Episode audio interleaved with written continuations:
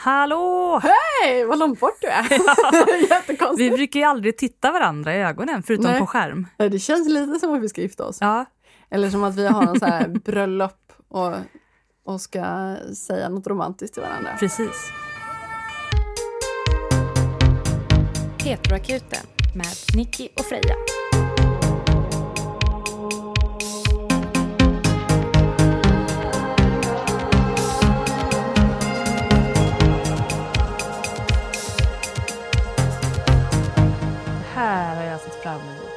Va? Mm.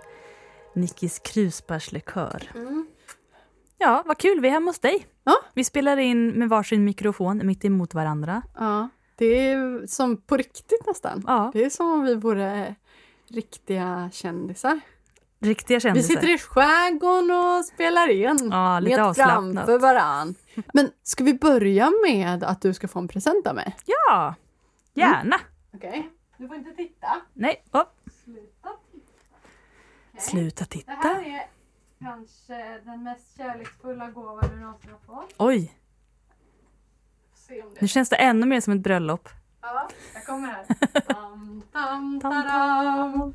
Tam, tam, taram. Okej, vilken hand Freja? Den. Åh! Men det är jag! Jag ser det. Men gud vad fin Nicky, gud vad bra. Tack! Det är ju en... Varsågod. Jag ska syntolka nu. Ja, det är så. en giraff i Freja-form. Ja. Och det ser man för att giraffen har runda glasögon. Mhm. En liten blyg blick. ja, den har blivit. ja. Som du. Och eh, en... eh, Den har väst. Den har väst, ja det, ja det tänkte jag inte ens på. Den har väst och den har en eh, pälsmössa på sig som jag ofta har på vintern. Mm. Det är Ja, jag! det är du. Ja, jag ser! exakt du. Och, Gud den, vad fint! och Tack så står det Freja Giraff. Freja Giraff! Från Ville. Ja, det är inte lätt att skriva sitt eget namn. Nej, ska det är berätta. svårt. Det är jättesvårt. Det ser ut som att det står Ville Jole. Ja, Ville-Jole. Det är mitt nya namn. Det absolut svåraste med allt det här, det var att såga den där. Den är inte jätterak. Ja, du har gjort plattan själv också Ja. och målat. Och borrat hål. Men Nicky, Ja, visst. händig! Mm, så du kan sätta Alltså- upp den liksom så här. Vad glad jag blir. Den här ska jag sätta upp på väggen. Det är få personer som har så många självporträtt som du har hemma. Eller som har dem uppe snarare. Du är så duktig på att skulptera Nicky. Tack! Skål! Skål i krusbärslikör. Freja Giraff. Freja Giraff. Och Ville Jole. Nicky sprutar likör genom näsan. Ville-Jole. Jole. Idag var det ju väldigt spännande för att jag lyftade idag. För första gången sedan jag var åtta. När jag var åtta så lyftade jag på mitt landställe för att jag inte orkade gå. Lyftade tillsammans med en kompis. Mina föräldrar blev jättearga för att jag hade lyftat för att då kan man bli våldtagen och dö. Mm. Idag lyftade jag igen, men med båt. Mm. Från Brännö till Asperö. Det var jätteroligt. Istället för att vänta två timmar på stora färjan så sa jag, ska ni åka båt? Får jag följa med? Kan ni köra mig till Asperö? Det var, Det var bra gjort. Det var väldigt bra. Annars hade vi inte hunnit äta jättegoda raggmunkar. Vad har du gjort idag Frisa? Jag har gått på en promenad i solen och druckit kaffe vid Lindholmskajen. Och så har jag tappat mjöd. Är det någon av dem du hade med till mig? Mm, det var den vi drack till middag. Ja, ja. Den var god. Ja, den var god. Jag har bastat och badat idag. Och det Gud, låter ju som att jag alltid gör det, men det var fan länge sedan. Var det kallt i vattnet? Fem grader kanske? Det är kallt. Det är, ja, det, det, allt beror ju på vad man jämför med. Men sist jag badade så var det nog noll grader tror jag. Är du sån som går i långsamt eller bara hoppar i? Alltså, en på Brännö sa att jag inte doppar mig, jag döper mig. Mm. För att jag liksom Va, vandra. ner och Ja. upp. Liksom, man hinner knappt märka att jag har varit nere, men jag är nere med hela huvudet och allting. Det är bara att står det på går så himla och- fort. Och sen så trycker jag ner huvudet och sen trycker jag upp mig igen och så står jag där och andas lite och sen så blir jag jättevarm. Och sen står jag ute och solar. Ja. Är alla nakna i bastun? Ja. Bra. Mm. Jag tycker det är Det är viktigt. mitt eh, närmsta jag har kommit erotisk eh, samvaro. Ja, alltså jag ser nakna kvinnor i bastun. Men det är inte jätte... Flera stycken samtidigt. En orgie. Ja. Nej, det är inte som att det har hänt något. det är bara att, Men du har väl varit på dejt i bastu? Första gången menar jag. Inte första gången, men andra gången. Aha. Det gör jag gärna om. Det är lite speciellt. Jag har många vänner som har varit på första dejt i bastu. Jag tycker inte det, första som sagt. nej, det är lite speciellt val. Jag förstår att det finns Mm. lite spänning och eh, skärm med det. Mm. Men det är också upplagt för, det kan bli fel. Alltså vi var en person till. Hade det, in, det hade varit bättre om det inte hade varit det. Men hade du vågat liksom kyssa någon första gången i bastun på Mm, första vi hade dejten? redan legat. så Ja, det är också fusk. Ja, fusk. Förlåt. Förlåt, jag ska aldrig göra om Du spelar inte efter reglerna, Nicky. Nej, jag vet. Det här är både en fråga och en återkoppling. Just det. Så här, vi har fått en återkoppling på en fråga som vi besvarade när Alice var med senast. Mm. Det var en 22-årig kille som skrev och frågade om han var... Ja, eller- hans flickvän sa att hon tyckte han var känslomässigt omogen. Och, Nej, det var inte ens omogen, det var något nej, elakt. outveck- det, var, det, var, ja, det var väldigt elakt minns Ja, men hon, Ja. Och hon hade sagt någonting som var så elakt att han inte ens skrev vad det var och att hon tryckte i alla fall ner honom Mm. väldigt mycket. Men han älskade henne och kände att han inte ville göra slut. Mm. Och vi gav det hårda rådet, gör slut nu. För Mm. det här kan inte bli bra om hon är sån. Nej. Alltså det känns som att hon redan hade sårat honom så pass mycket att det var svårt att gå tillbaka till någonting annat. Om man mår väldigt dåligt i en relation och en annan person trycker ner en gör ju också att man tror att man behöver personen mycket mer. Mm. Eftersom att om man inte tror på sig själv så tänker man ju att man bara existerar genom att den andra ser en. Men nu har Eh. vi fått återkoppling och det blir vi väldigt glada för. Ja, rubriken var Trött kille comeback. Yes. You have new mail waiting. Hej igen på er! Vet inte om ni kommer ihåg mig, skrev till er för ett tag sedan med titeln Trött kille. Eh, mailade dessutom då från min väns mail på grund av nojig. Men nu hörni ska ni få lite juicy updates. Mhm. När jag lyssnade på poddavsnittet ni- där ni besvarar min fråga förnekade jag allt. Vi var just den dagen vid den tidpunkten på en härlig plats i vårt förhållande och jag såg hela grejen som att det var jag som överanalyserade situationen.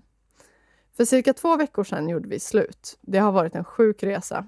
Jag har mått så dåligt att jag inte vill gå upp ur sängen men har på samma gång en känsla av att saker kommer att bli bättre. Ville bara tacka er för att ni tog min fråga så seriöst. Utan er så hade jag trampat vatten. Nu råkar jag även ha en till fråga. Hur kan man känna sig trygg i en relation? Det känns som att jag aldrig är det. Hur lär man sig själv att släppa på rädslan för att bli lämnad? Och varför lämnar man inte när man borde? Tack som sagt och stor, stor kram. Ni hjälpte mig mer än vad ni vet. Tack för att du skrev igen och Ja, berättade. jättefint. Mm. Vad tänker du? Alltså, självförtroendet, det är nog viktigt att det inte kommer från en relation. Det är nog ganska lätt att tänka att i nästa relation så kommer jag få mer självförtroende genom den relationen. Och det kan såklart ske, men om du inte går in i relationen med självförtroende så är det inte nödvändigtvis så att det kommer växa. Då har man en tendens att bli ganska självuppoffrande och försöka vara den andra till lags. Så ditt eget självförtroende får nog växa utifrån dig själv bara, tänker jag. I relation till andra kanske också, än Mm. relation. Sätt dig ner och skriv ner. Vad mår jag bra av? Vad är jag bra på? Vad är jag stolt över? Vad vill jag utvecklas i? Gör såna här små planer för dig själv kring vad som är viktigt för dig och vad du vill göra mer av för att må bättre. Och när man mår bättre så brukar självförtroendet automatiskt komma. Det behöver inte vara så att du har lyckats med någonting och plötsligt mår du bra. Det är en ganska stor myt. Mm. Jag tror att det är tid som är nyckeln faktiskt. Att ge dig själv rätt hela tiden. Att känna, rätt att prova, rätt att våga, rätt att säga nej och bara ta hand om dig själv. Att du har den här frågan efter att ha kommit ur den här relationen känns ganska given. Ja, men precis som vi sa tidigare, att du nu har blivit nedtryckt i den här relationen och det är jätteskönt att du känner att det är på rätt väg. Du kommer säkert få eh, många euforikänslor och många dippar där du vill höra av dig men allt är en del av processen i att komma vidare från någon och komma över någon. Och eh, ja, men precis som du säger, att självförtroendet, om du bygger det på en annan person eller via en annan person så är det väldigt skört. Eller då är det ju Då är det inte ditt självförtroende. Nej, precis. mer, nu börjar en resa i, för dig att lära känna dig själv.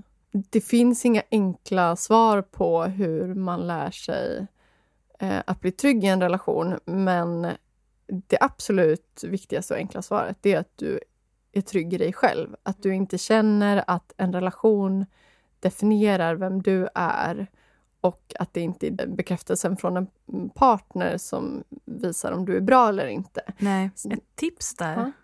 är att skriva dagbok. Skriv dagbok varje dag, även om du inte har Mm. något att berätta. Skriv bara kort varje dag, några rader. Så här har jag mått idag, det här har hänt. Eh, du kan välja att berätta saker som händer, även om de är triviala, eller så säger du mest hur du mår. Du kommer märka efter ett tag, när du tittar i dagboken, hur du resonerar kring dig själv. På vilket sätt du dömer dig själv, vilka ord du har att beskriva dig själv. Blir du då medveten om att du tänker negativa saker om dig själv, så måste du försöka aktivt ändra dina tankemönster kring dig själv. Och det kan man faktiskt ändra på genom Mm. övning. Att varje gång man kommer på sig själv att tänka typiskt mig och jag är så dålig eller varför gjorde jag så här? Försök att se det ur ett annat perspektiv.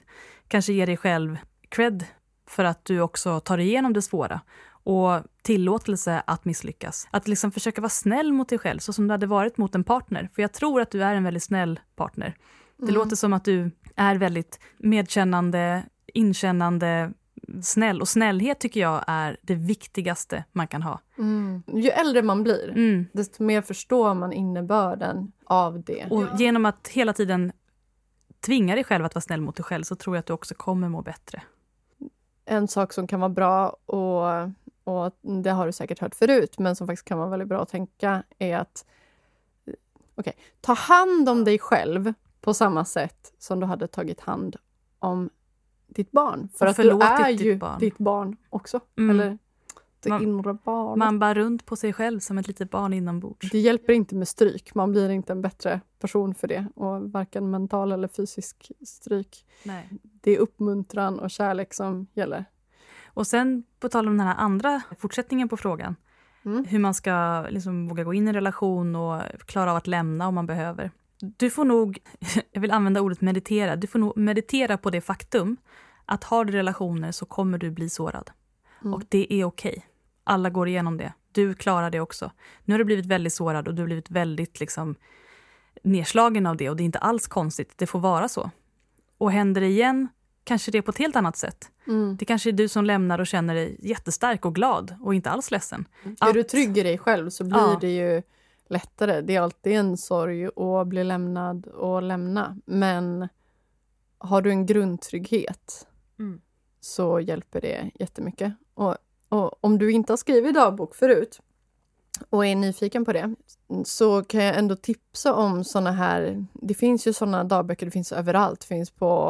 Vad heter det? Akademibokhandeln, Ja, dels det, men även Lagerhaus. Ja, såna här ja, men, tre minuter om dagen, brukar man heta, eller sju minuter om dagen. Och det som, då fyller man i varje dag. Det är bara sådär, tre saker som jag har gjort eh, idag som jag blev glad av, tre saker jag är tacksam för, tre saker jag längtar efter. Och så det, det låter fjantigt kanske, Mm, Men det, men gör, det är ett sätt att bryta tankemönster verkligen. och börja tänka i nya banor. Ja, men det, det gör någonting lite. Och det blir också så där att man funderar under dagen då. Nu Lite. händer det här, det Ja. kommer jag skriva ikväll. Alltså man, man får lite mer distans till allt som händer också. Man Mm. är inte i det, man kan se det utifrån på ett annat sätt. Och umgås med dina vänner, visa uppskattning för dina vänner. Mm. För det kommer du att få tillbaka Det är verkligen sant. och må bra av.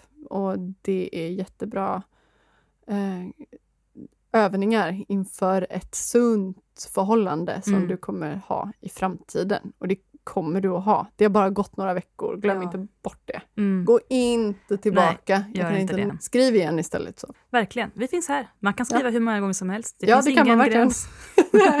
Det är bara att köra på. Ja. Och, men jag vill ändå lyfta det till alla som lyssnar. Att Mm. ha relationer gör ont. Även om man är kvar i relationen, även om det är värt det. Mm. Det är svårt. Och då kan vi knyta an till den sista frågan. Hur vågar man lämna? Eller hur vet man när man ska Mm. lämna och hur gör man det?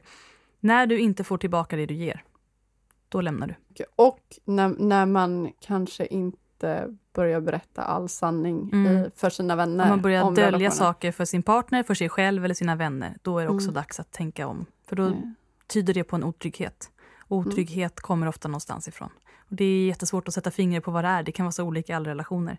Men finns det en otrygghet i grunden i relationen, då är det väldigt svårt att rädda den. Då kommer det växa till, sig till en bitterhet eller till en aggressivitet eller ledsamhet eller missundsamhet. Det kan bli väldigt många olika dåliga saker. Då, då är det inte den personen som man ska vara med. Nej, och det lär man sig bara av att ha relationer.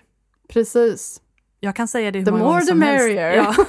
Nej, men jag har haft så många relationer och jag har verkligen inte lärt mig varje gång. Alltså, man får mönster i allt. Ja, ja, Så ja. kul är det här i livet. Det är så det är. Det gäller att bli medveten om sina mönster, berätta om sina mönster för sina vänner så de kan påminna en när man inte vill bli påmind. Mm. Typ, ja men nu säger du det där igen, Mm. eller nu, nu är du där igen. Precis. Lycka till.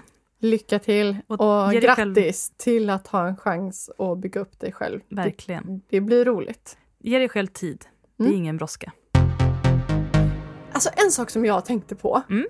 så jag bara måste fråga dig vad du tänker om det, för jag kunde inte sluta tänka på det. Jag, jag lyssnade på Karlavagnen igår, Mm.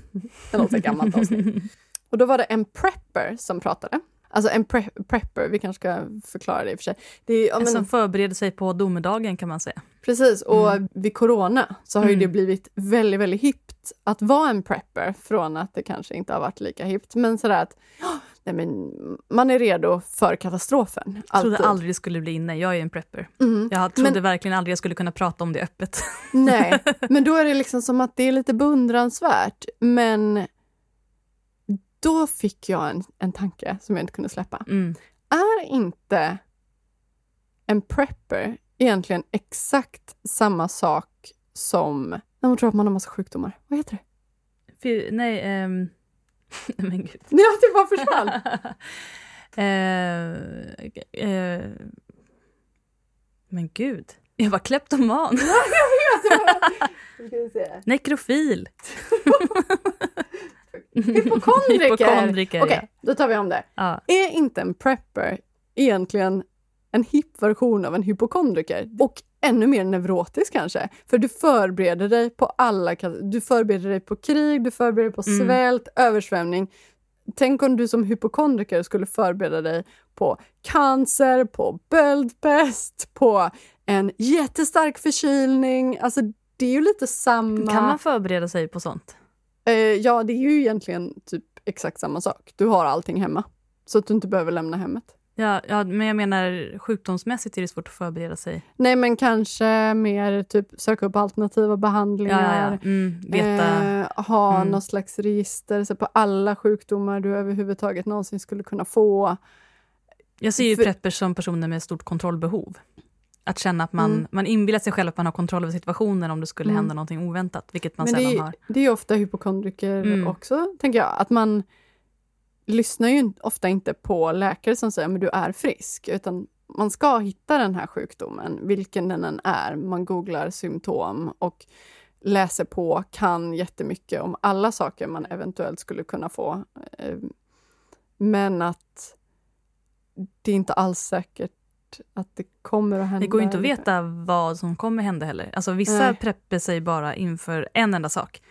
Och då är det bara det man preppar inför. Vad är din favorit? eh, Alltså jag preppar ju för allt och Mm. inget. man kan säga så här, Du har ju kontrollbehov. jag har Det ju pratade vi om innan. Absolut. Att du kommer att få panik när du ska dö för Ja, att du ja. inte kommer kunna ha någon Styra kontroll. över hur jag dör. Ja. Men du kommer försöka med all din kraft. Ja, precis. Men jag har ju preppat för att jag har känt att det är så många som bara går på utan att tänka efter och att det är så mycket i samhället som inte stämmer. Alltså det är liksom miljö... Vissa lever i nuet, vissa samlar ett förråd. Nej, men den stora är ju miljöförändringar Mm, och att det är oundvikligt. mm, Och det är väldigt svårt att veta vad det kommer innebära för oss. Det kan ju vara att det blir kallare eller att det blir varmare här i Sverige. mm, Det kan vara att vi får mycket mer vatten eller mycket mer snö, att vi får mycket mer torka, antagligen allting. mm. Väst är bra för allt. En skinnväst den kan du äta, Japp. den kan du ha på dig. Är liksom allting. Jag kan, Koka. jag kan koka den. Nej, men för mig har det väl varit ett sätt att känna att jag i alla fall gör det lilla jag kan. Jag vet ju Mm. att jag inte kommer nödvändigtvis överleva på grund av det. Men jag känner i alla fall att ja, men, då behöver jag inte sitta där och tänka åh nej, jag har inget vatten. Eller åh nej, Mm. vad dumt, jag hade kunnat ha lite mer konserver och nu har jag inget att äta. Mm. Och att lita på ett samhälle som är väldigt instabilt känner jag är väldigt läskigt. Precis som att ha Ja. en partner som har väldigt mycket personlighetsförändringar hela tiden. Alltså, och då vet man aldrig vad man kan förvänta sig. Lite så känner jag med samhället. Mm. Att det hela tiden ändras och ena stunden är det här som händer och sen är det det här. Och alla bara går i en ström utan att tänka efter. Jag tycker det är obehagligt. Ja, jag bara tänker att en prepper och en hypokondriker är ju lite lika på det sättet att det handlar ju om din egen överlevnad. Ja. Alltså det handlar ju, om du är hypokondriker så är det ju inte som att du hittar tusen sjukdomar på dina kompisar eller att eh, om du ska preppa så är det inte som att du mm, preppar för hela ditt community. Utan jag ju, preppar ju för mina vänner också. Ja men det, det är ju, ja, ja men jag vet ju, Ja. med mjöden och allting. Ja, men också jag har... Eller vem också, behöver inte mjöd i undergången? Ja, Om det är någonting man behöver vid undergången är det ju lite mjöd. Ja, full ska man bli, full ska man dö. Och i värsta fall kan jag ju koka mjöden och dricka det utan alkohol. Mm. Bara för att få i mig vätska. Mm. Pling, pling. Pling, pling. Nej men skämt åsido, jag tänker ju att mina grannar kommer knacka på och jag kommer samarbeta med dem. Och, alltså, jag ser det framför mig. Men det kom, jag tänker ju inte att jag kommer vara ensam. Jag, jag tror att Men jag, du tänker att det kommer hända? Du kommer sitta där?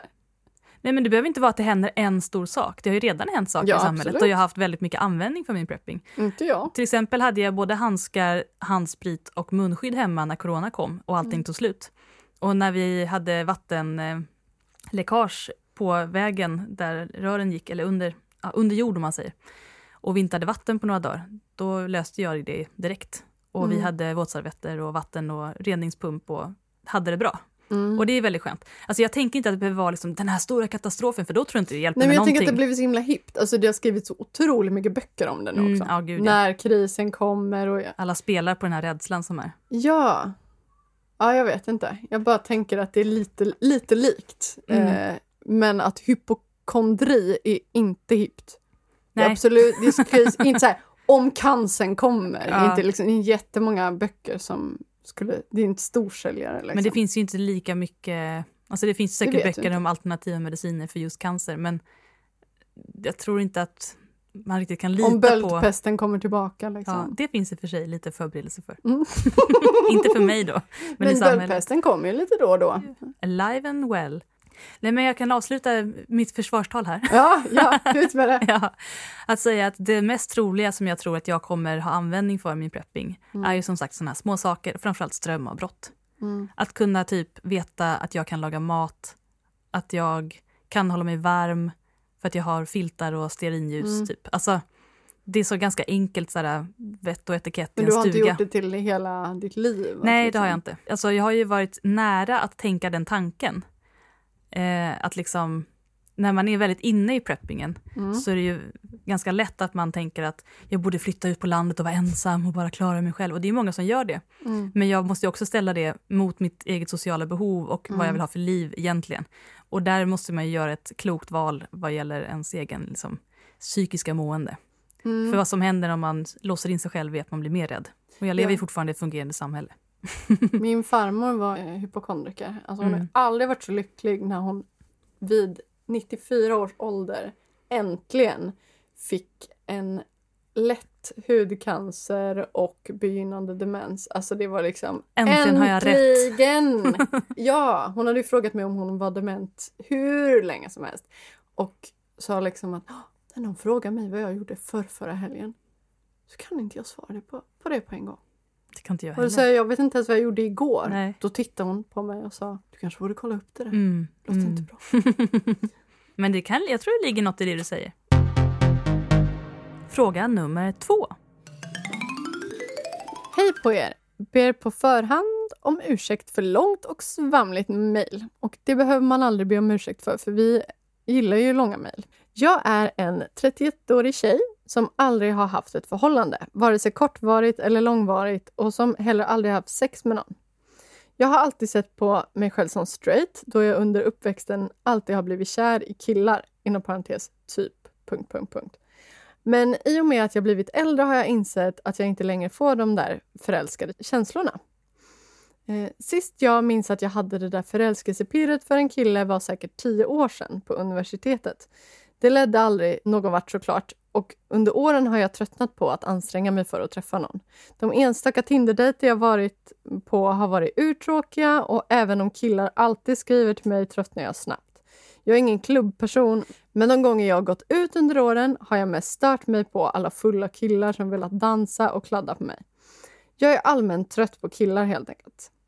Eh, detta har senaste halvåret lett till att jag insett att jag är bisexuell. Fortfarande väldigt konstigt att säga, skriva, men jag är säker på att det är sant, även om det bara är något jag erkänt för mig själv senaste halvåret.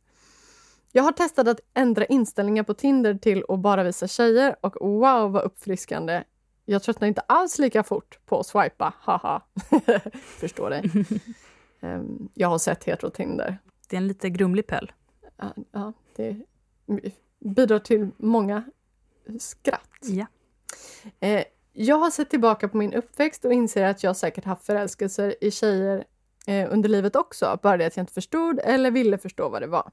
Har börjat få upp lite minnesbilder från en ganska traumatisk upplevelse med en något äldre tjej när vi var barn där hon mer eller mindre tvingade mig att leka mamma, pappa, barn på ett väldigt sexuellt sätt som var obehagligt.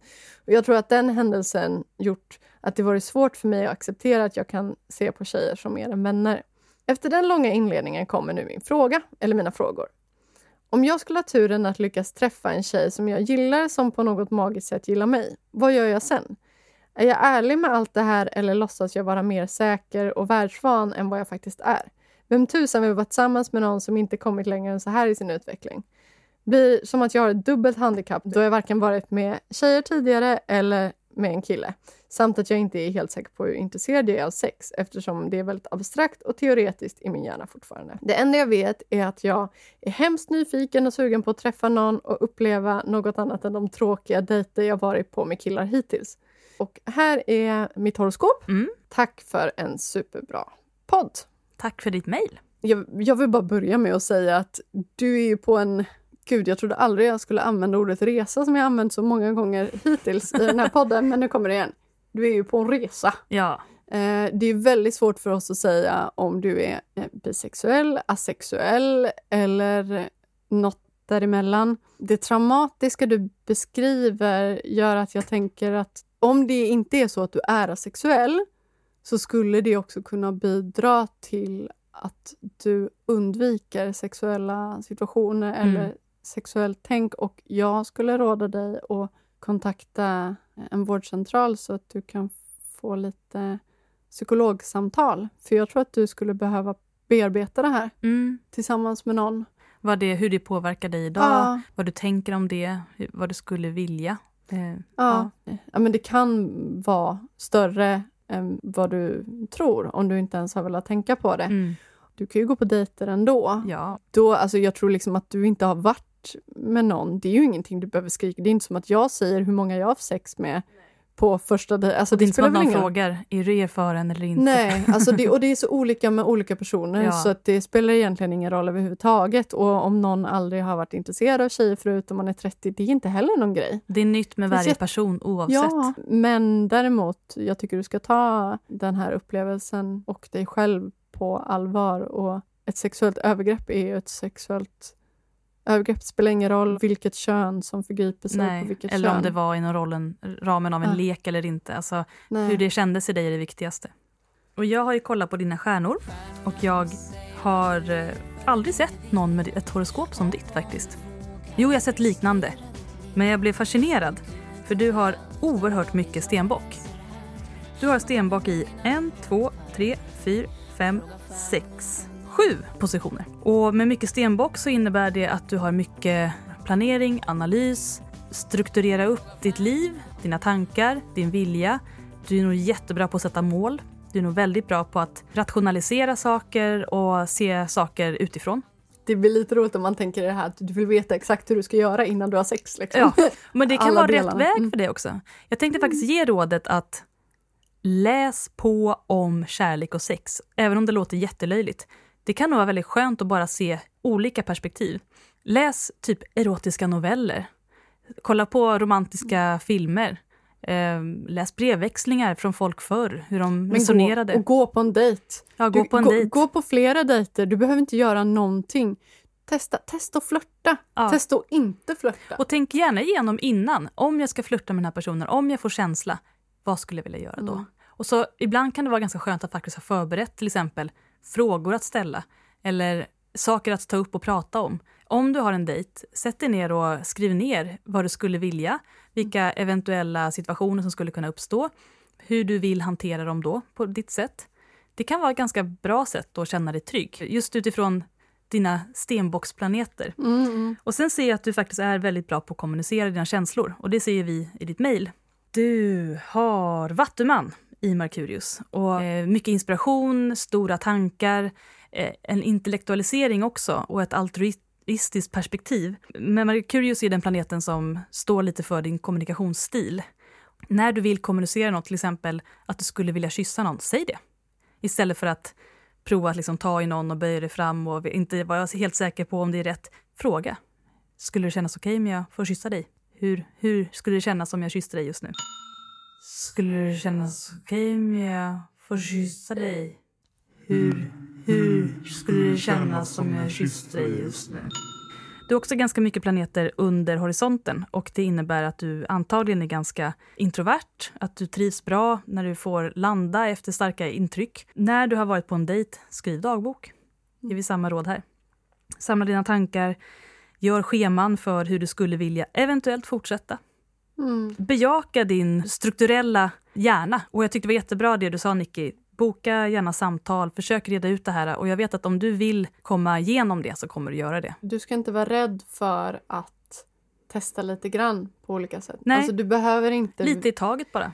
Det känns som att du vill försöka komma fram till om du tänder på folk eller om du vill ha sex eller sådär. Men det är så himla hypotetiskt när man inte har träffat någon Mm. man är intresserad av. Vissa människor blir kära några gånger, eh, en gång i sitt liv Mm. kanske.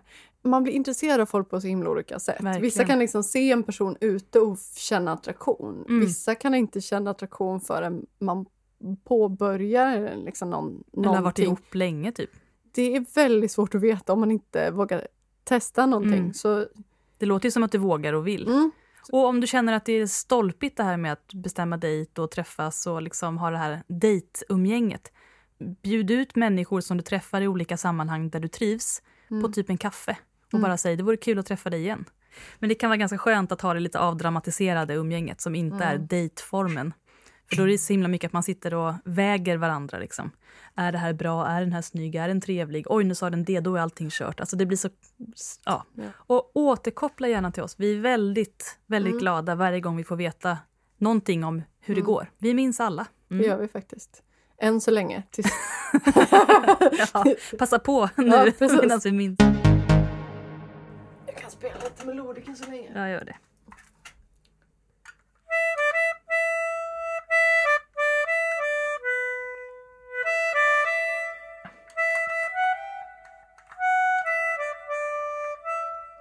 Åh, snyggt.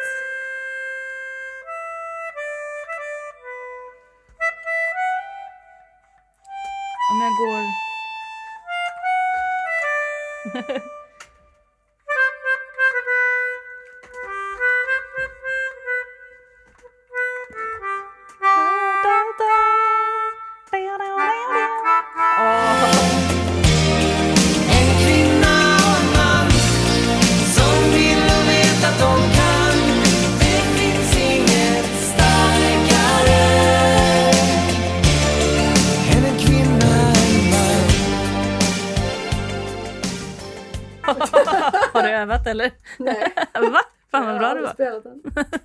Då kör vi. Vi hade väl lite mer återkoppling, hade vi inte? Ja, det är Bollesa gumman. Det här var ju då som vi faktiskt svarade på i förra avsnittet. Och vem var det då Freja? Rätta. Det är vår kära Oxe som har återkopplat om hur det gick med skytten. Ja, det var hon som var kär igen i sitt eh, kompisgäng Mm. som också hade gått och dejtat en kille. Mm. Och själv hade hon varit på dejt med en tjej som gillade henne men som hon inte riktigt var så Mm. intresserad av. Och nu visste hon inte hur hon skulle gå vidare med den hon faktiskt var intresserad av. Fråga nummer tre. Mm. Det är återkoppling och fråga. Återkoppling. Återfråga. Ja. Återfråga. Hej igen och tack för svar. Vindarna har vänt sen sist. Oxen är borta ur ekvationen. Kände ändå innerst inne att det var rätt. Alltså att det var rätt att få bort oxen i ekvationen då gissar Ja. Mm. Tyvärr har det skitit sig totalt med skytten. Men det kanske var lika bra. Jag försökte flörta lite med varierande resultat fram tills nu Då hon sa att vi kanske inte borde dejta men att det inte är en garanti för att vi inte kommer att göra det i framtiden. Åh, Ja. åh, suck alltså. Var det inte vi som sa att det var väldigt rådjurslesbiskt? Jo, väldigt. Jag vill ha dig kvar men jag vill inte lova något. Nej, precis. Blev såklart ledsen, men det fick mig också att tappa intresset lite. Mm. Har ändå, ja det var smart. Har ändå ingen lust att vänta eller känna att hon håller mig på halster. Om ni har några tips på hur man undviker att det blir stelt i ett kompisgäng mottages det tacksamt. Ja, det var kul. Det var faktiskt också been there. Men förra veckan var jag äntligen på dejt med en annan som jag haft i bakfickan ett tag. Det kändes väldigt bra och vi ska ses igen. Tar till mig era tips och ska försöka flirta med henne istället. Hur flörtar man bäst med en stenbock? Oj. Mm. Oxe och stenbock, du är ju oxe. Så du, Mm. Hur skulle Freja flörta med en stenbock? Jag tror att eh, jag skulle göra det väldigt tydligt att jag var intresserad rent verbalt. Mm. Jag tror att att dejta en stenbock, då måste du vara tydlig. För om du inte är tydlig så kommer den ja, men kanske inte ens vara intresserad. Den vill gå på säkerhet och den vill kunna räkna med någonting eller inte. Så om du verkligen är intresserad, säg jag gillar dig. Och jag skulle vilja se vad det här skulle kunna bli. Det tror jag. Och då får stenbocken känna efter lite, ge det lite tid, kräv inte svar direkt. Det kan vara så att stenbocken behöver göra ett diagram, sätta sig ner och göra en Ett tabell. Excel-dokument. Ja. Jag har stenbockar i min eh, närvaro som eh, gör Excel-dokument över sina relationer. Är det bara lesbiska som gör sånt? Det känns Nej, verkligen som att Det här är det- faktiskt en kille. Är det sant? Ja. Men det kan krävas lite tid ibland om stenbocken inte är helt säker. Men eh, håll ut, för du kommer få ett ärligt svar. De är inte liksom romantikerna själva va? Nej, men de är väldigt bra på att skapa ja, men, romantiska resor, planera hotellvistelser, eh, boka middag på bord. På, på bord! boka bord på restaurang menar jag. Men de stenbockar jag känner är ju guldkorn på att men, uppvakta någon och ta hand om någon. Så jag tycker bara kör på. Men var inte rädd att flörta. Nej, inte alls. Både fysiskt och psyk- psy- psykiskt. Mind games. och verbalt. Nej, inga mind games. Spela inte svår med stenbocken, för då kommer den bara tänka att okej, den bryr sig inte. Nej. Nej. Och så kommer den acceptera det och gå vidare. Så se till att du visar intresse. Och, och sen vill jag gärna gå in lite på det här med om du stel till ett kompisgäng för att två har varit, haft en flört. Mm. Då tänker jag att du har ju lagt väldigt mycket intresse på henne i kompisgänget. Jag tänker att var trevlig mot henne men sen kan du hänga mer med andra. Ja. Och så, Låt det vila lite. ja precis, jag tänker att ni båda behöver hitta nya sätt att förhålla er till varandra. Så att, Hon kommer säkert försöka få bekräftelse av dig igen. Då kan det bara vara lite snällt avvisande. mm, lite som med psykopater, att man liksom är trevlig men distanserad. Ja, precis. Mm. Jag tror att det där kommer bara gå över stelheten i kompisgänget. Det kommer vara stelt. Det får vara det. Folk pratar, folk säger saker. Det har inte gått lång tid. Nej, du där är vi. den som är oxe. Kom ihåg att du har uthålligheten på din sida. Mm. Freja stöttar dig i detta. Jag stöttar dig. Och berätta hur det går med stenbocken. Mm, precis. Vi vill veta. Kul med flört. Kul med flört. Jag vet en stenbock som blev flörtad med på ett sätt som var väldigt, helt rätt, men fyrkantigt för andra utifrån. Mm. Och då ska jag också tillägga att båda var stenbockar. Ah. Och då sa hon till honom, Jag vill föda dina barn. nej, det var lite så här, de hade samma intressen. Och det var helt enkelt en playdate. Ska vi göra vårt gemensamma intresse? Varje gång man pratar om stenbockar så känns de så aspiga. Det är liksom så här, ja, var väldigt konkret. Säg, nu vill jag göra det här. Men jag tycker det är också bra, för de håller inte på med massa bullshit. Nej, nej, men jag uppskattar ju det. Man Ja. vet ju vad man har dem i så fall. Ja, eller inte alls, för att de inte säger någonting. Och då vet man att de inte, att man inte har dem någonstans. Mm. Ja, men då har man ju dem inte kanske. Alltså, om en stenbock visar intresse för dig, då är du redan på intresselistan. Mm. Om man hade sagt samma sak med en tvilling till exempel, då behöver det inte betyda någonting. En Då tvilling flörtar åt alla håll. hundra, Ja, ja. bakdörrar. Du är bara en av alla i bakfickan. Mm. Men eh, en stenbock lägger inte flörtig energi på någon om den inte faktiskt vill någonting. Så du är nog redan utvald. kan du trösta dig med. Grattis till det. Grattis, lycka till! Freja, Ja. nu är vi ju, vi har ju fått göra en ny inspelning för vår nya Patreon. Ja, och det var för att det var så svårt att rimma på hennes namn. Ja. Att vi inte kom på något till när vi spelade in. Så nu har vi fått betänketid båda två. I typ en vecka. ja. Jag har lyckats. Ja, och ju, Sådär. för mig var det ju en ögonöppnare, eller ska vi säga eye-opener, när jag insåg att jag kunde rimma på hennes namn på engelska. Jennifer, välkommen in i värmen som vår patient. Du har det svåraste namnet att rimma på hittills. Tycker jag i alla fall. verkligen. Ja, Och inte bara att man ska rimma på det, det ska ju vara lite kul också. det ska liksom rimma på någonting som går att ja, få med i en historia. Ja, ja, det bästa jag kom på på svenska var människor. Jaha, Men jag har inte rimmat på det. Jag tog engelska. människor. Ja. Stockholmska. Ja, Människor. Ja, det kanske funkar på Ja, göteborgska också. ja. Människor. Men hon skrev ju något, så vi fick ju ett mejl av henne. You have new mail waiting. Hej kära heteroakut! Lyssnat på alla avsnitt minst två gånger. Älskar er podd och den perfekta kombon ni två utgör tillsammans. Älskar er. Så himla Ja. fint. Och Ja, verkligen. att jag har tänkt så här, undrar om någon har lyssnat på alla avsnitt? Och så har hon lyssnat på alla avsnitt två gånger. Eller ljuger hon? Varför skulle hon ljuga? Hon är ju vår Patreon. Ja, Våra sant. patienter ljuger inte om sina åkommor. Nej, jag ska inte, jag ska inte anklaga någon att ljuga igen. Aldrig mer. Nej. Så får man inte göra som läkare. Nej, det får man faktiskt inte. Jag tar allt på för, för, största första allvar. Ska du eller jag eh, börja? Alltså det är så dåligt. Jag kan, och jag kan börja, jag har tre stycken. Jag kan börja med en som är jättetråkig. Okej. Det, det, jag, Du bygger upp till förväntningarna här riktigt bra. ja, men, men jag fick inte till att det skulle vara kul. Alla barnen plågade djur utom Jennifer, för hon var veterinär. Den var faktiskt inte kul. Nej. Eller den hade ju ingen poäng. Nej, ingen poäng. Eh, Eftersom att du Jennifer har lyssnat på alla avsnitt minst två gånger så har jag tagit en referens som du kanske då kan koppla, även om det var några avsnitt sen. Alla balen kom på skolbalen i klänning eller kostym, utom Jennifer. Hon kom som sexy pair. Alltså sexigt päron. Ja, det är som min tjej Ja, på festen. Ja, att du sa att det var det sexigaste päron du någonsin hade sett. Åh, oh, var det du Jennifer? Ja. Nu blir det lite dialekt här. Varsågod. Alla barnen var fula utom Jennifer. För det är henne jag begär. Det var Jennifer och begär. Det var faktiskt ganska bra. Jag har också en komplimang till Jennifer. Ja, att jag begär, begär, begär Jennifer. Eh, Även här då på engelska. Det är ju lite konstigt för att resten är ju på svenska. Men eh, det fick bli så här.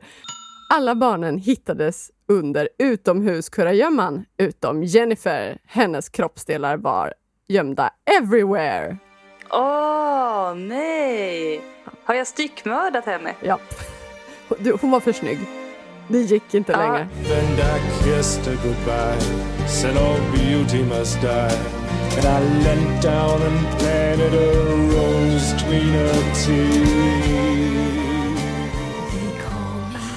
Fan, jag hackade honom som ett päron. Det var, det var din raggningsreplik och hon visste inte hur bildligt eller liksom hur bokstavlig den var. Hon ska hacka dig som ett päron gumman. Mm. Ja. Ehm, men då kommer jag med en snygg comeback här. Får se om jag får till det. Ja. Jag försöker nämligen improvisera nu. Okej. Alla barnen var oskyldiga till mordet på Jennifer. Utom jag. Men alltså jag är oskyldig, jag svär. Nej, fan.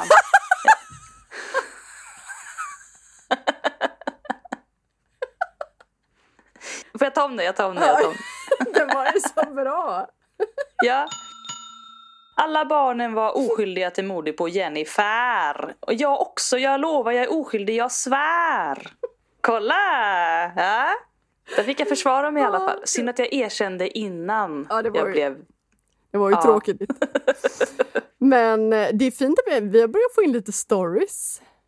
Mm. Ja, jag var ju tvungen att säga stories då på engelska. Så att det känns just det. helt naturligt att jag avslutade mina Alla barnen historier på engelska. Jag trodde du skulle börja så här: All of the children died in a U-boat except for Jennifer because she Jag vet inte. Mm. Jag trodde du skulle köra all in engelska. Ja, förlåt. Det var kanske lite Mm. dåligt. Jag är lite besviken. Ja, det var tappert av oss. Ja. Vi lyckades nästan, skulle jag säga. Ja, på, Tillräckligt på för att flera flyta. sätt eh, Ja. lyckades vi. Tur att vi fick en story i alla fall. Den hackar lite storyn, men eh, Mm. i övrigt så Ja. är den felfri. Tack Jennifer för att du vill vara vår Patreon. Tack och välkommen.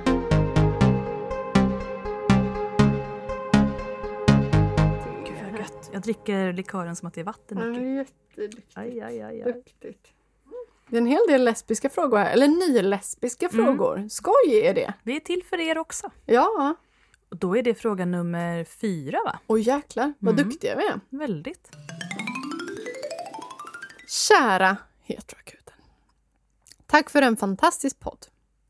Jag är en ung rådjurslesbisk som bor långt ute på landet. Jag har två frågor till er. Båda relaterar till att jag bor så sjukt ensligt till. Missförstå mig rätt. Jag är en tvättäkta lantis och trivs i vanliga fall bra med det. Då undrar jag om du bor... Jag kommer ihåg min första flickvän. Hon sa Alltså ibland tänker jag när jag säger att jag är uppvuxen på landet att, att jag kanske liksom överdriver lite grann. För det låg faktiskt en asfalterad väg två kilometer bort. Mm, Då skrattade jag jättemycket. Då var hon lantis. Då var hon lantis. Ja. Ja, sjukt ensligt. Japp. ja. Eh, här kommer lite backstory till min första fråga. Jag identifierar mig som queer eftersom att jag är attraherad av både kvinnor och män. När jag ganska nyligen kom ut till min mamma, som jag står väldigt nära, gick det inte så bra. Jag blev väldigt förvånad då hon ger sken av att vara väldigt progressiv och också själv tycker att hon är väldigt hbtq-vänlig. Efter att jag kom ut till min syster i min mammas närvaro bad min syster mig förklara vad queer är eftersom hon aldrig hört ordet. Eh, och då ställde min mamma några frågor som fick mig att inse en del av problematiken eh, som ligger i just ordet queer. Min syster tog det hela väl, men min mamma var ovillig att diskutera det hela. Så vi pratar inte om det. Jag kom för övrigt ut till mina kusiner, min pappa och hans flickvän senare och det gick helt okej efter att jag förklarat lite. På grund av ovanstående eh, är jag orolig för att det ska bli tufft att komma ut som queer till resten av mitt folk.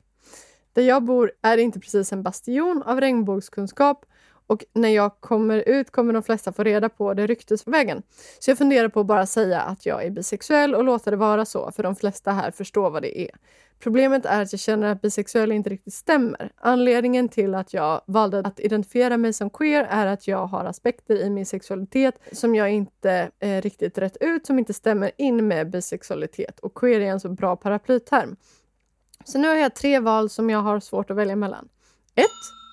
Komma ut som bisexuell och ge folk en någorlunda korrekt uppfattning om min läggning. 2. Komma ut som queer och därmed starta rykten över hela bygden, släkten, jobbet att jag, inom citationstecken, blivit en hen. Då. Eh, inte för att det är något konstigt med att använda hen som pronomen, men det stämmer ju inte in på mig. 3. Stanna kvar i garderoben, vilket jag inte är jättesugen på. Eh, har ni några insikter som kanske kan hjälpa? Ska jag klippa av mig håret och skaffa regnbågsörhängen och låta de som fattar fatta och lämna resten utanför? Min andra fråga är lite gradare. Jag vill träffa andra hbtq-personer och hänga med. Jag känner totalt till fyra andra inom min kommun plus grannkommunerna. Jag vet ju att vi finns här, men jag har ingen aning om var jag ska hitta oss. Finns det inofficiella ställen där flator samlas? Jag har försökt hitta Facebookgrupper eh, och jag hittade en för grannkommunen, men eh, de verkar ha dött ner med covid och allt. Fast jag tänkte ändå slänga iväg ett meddelande och se om någon vill hitta på något utomhus. Jag har också hängt en del på dejtingsidor, men jag är så dålig på det. Har ni några bra idéer? Jag bor i Kalmar län om det hjälper till. Återigen, tack för en fantastisk podd. Den får mig att känna eh, det lite mer en, mindre ensamt, inte mer ensamt. Och ursäkta för sjukt långt mejl. Bästa hälsningar. Tack för ditt långa mejl. Jag förstår att du väljer termen queer och jag identifierar mig också gärna som queer, för det finns väldigt mycket mer än bara ett enkelt epitet som man gärna... Eh, ja, man är ju så mycket mer än bara en sak väldigt ofta. Och som du säger, om du inte själv har rätt ut alla delar av dig själv så är det ett bra samlingsnamn att paketera sig med en öppenhet. Jag förstår att det kan missförstås och jag kan tänka mig att det är många som tänker att du då kommer ut som något som du inte är eller inte känner än att du har undersökt.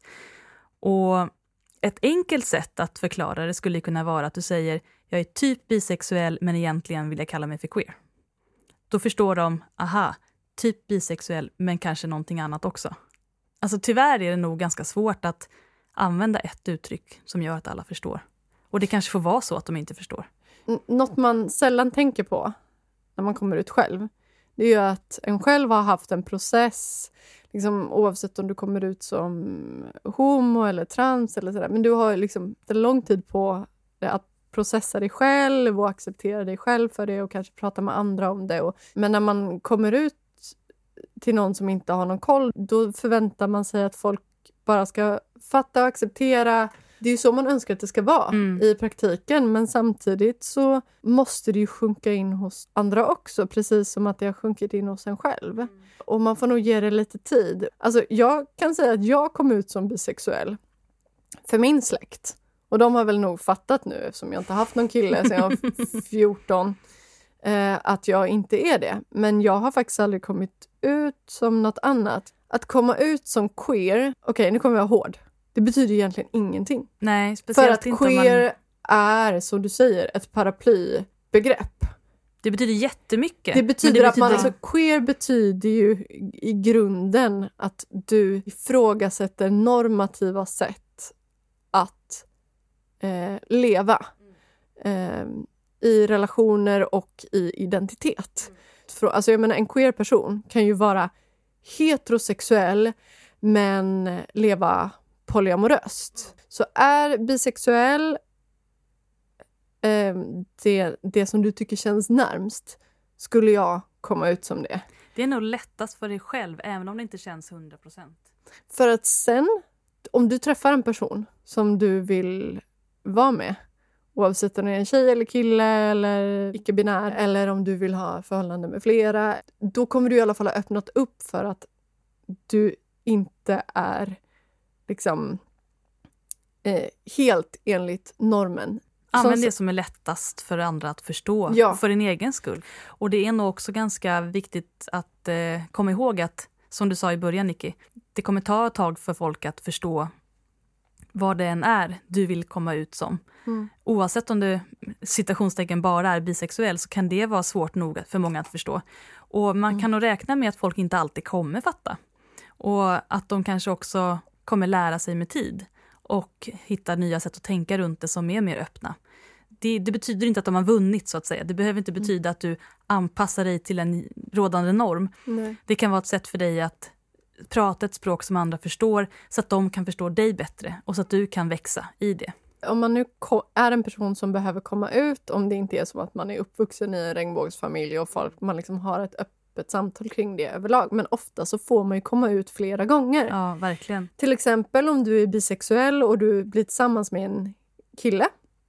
Du är tillsammans med honom i ett par år. Då kommer dina föräldrar, om de är lagda åt det, åh vad härligt med normer, hållet.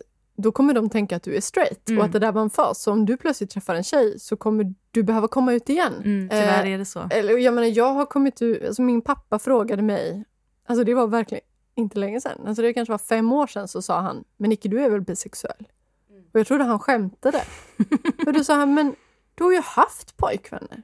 Ja, när du var tonåring. Jo, men i Mm. hans värld så Mm. är det ju inte så länge sedan jag var 14. Mm. Jag tänker att ofta transpersoner har kommit ut som lesbiska innan och sen kanske Mm. får komma ut som bisexuella eller straight till Mm. och med. Samtidigt som man kommer ut som en transperson. Jag, tror att det är lättare för dig att eh, sen bygga på. Ja. Var öppen från början med att du inte är klar med din process. Men att det är så här långt du har kommit nu. Men det kommer mera. Martin Timell. Ja. Visste du att Martin Timell var den som startade Bullen? Nej, det visste jag inte. Ja, du älskar Martin Timell. Ja, nej, jag älskar ju bullen. Du Men älskar det är för Martin. kattis. Det är kattis jag älskar. kommer Sven-Ingvars. Men det här med eh, queera sammanhang.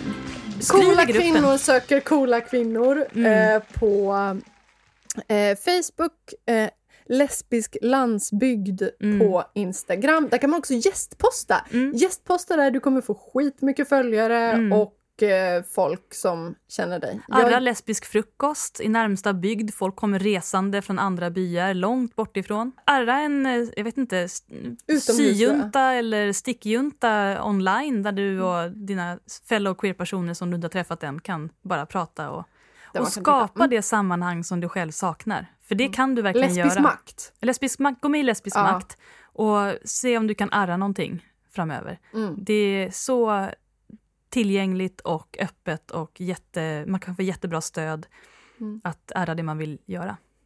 Och på sommaren, lesbiskt byggläger. Mm. Eh, Alla typer av eh, ja, men, träffar som sker. Mm. Lesbisk kollo. Alltså, Mm. bjud in folk också. Säg så här, vi som eh, är i närliggande trakter och vill grilla.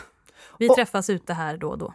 Och är det någon som lyssnar på oss som bor i Kalmars län och som också känner att det hade varit roligt att ha lite brevväxling eller mejlväxling. Skriv till oss. Skriv brev. Fråga om brevvänner. Ja, det är en skri- jättebra skriv till oss så kan vi förmedla kontakt. Banankontakt. Mhm. Mm. Det blev en liten banankontakt Mm. där. Ja, men hör av er till oss i så fall. Det hade varit jätteroligt. Verkligen. Eh, Men som sagt, coola kvinnor söker coola kvinnor tycker jag verkligen du ska gå med i. Väldigt många skriver och söker vänner i nya städer eller liksom i små orter. Så kolla där och skriv någonting själv. Lycka till och återkoppla gärna. Din resa räknas. Ja, det gör den. Tack för detta. Jag måste springa till Ja. en båt. Ja, Freja kom bara hit för Booty call. ja, och eh, krusbärslikören. Och nu har jag fått mitt och nu är jag nöjd. Tack för att ni lyssnar. Tack för att ni skriver till oss. Vi vill veta allt ni tänker på, alla frågor ni har och all återkoppling vi kan få. Ja, och sprid oss till världen. Om ni delar oss på Instagram eller Facebook så delar vi det ni har skrivit tillbaka. Och tack till våra patreons. Tack alla patrons. Ni är ljuvliga. Du kan också bli en patreon Mhm. på patreon.com heteroakuten. Då blir du vår patient och du får bonusavsnitt. Snart även Frejas ölrecept. Och meditation. Puss och kram, skumbanan. Hej då!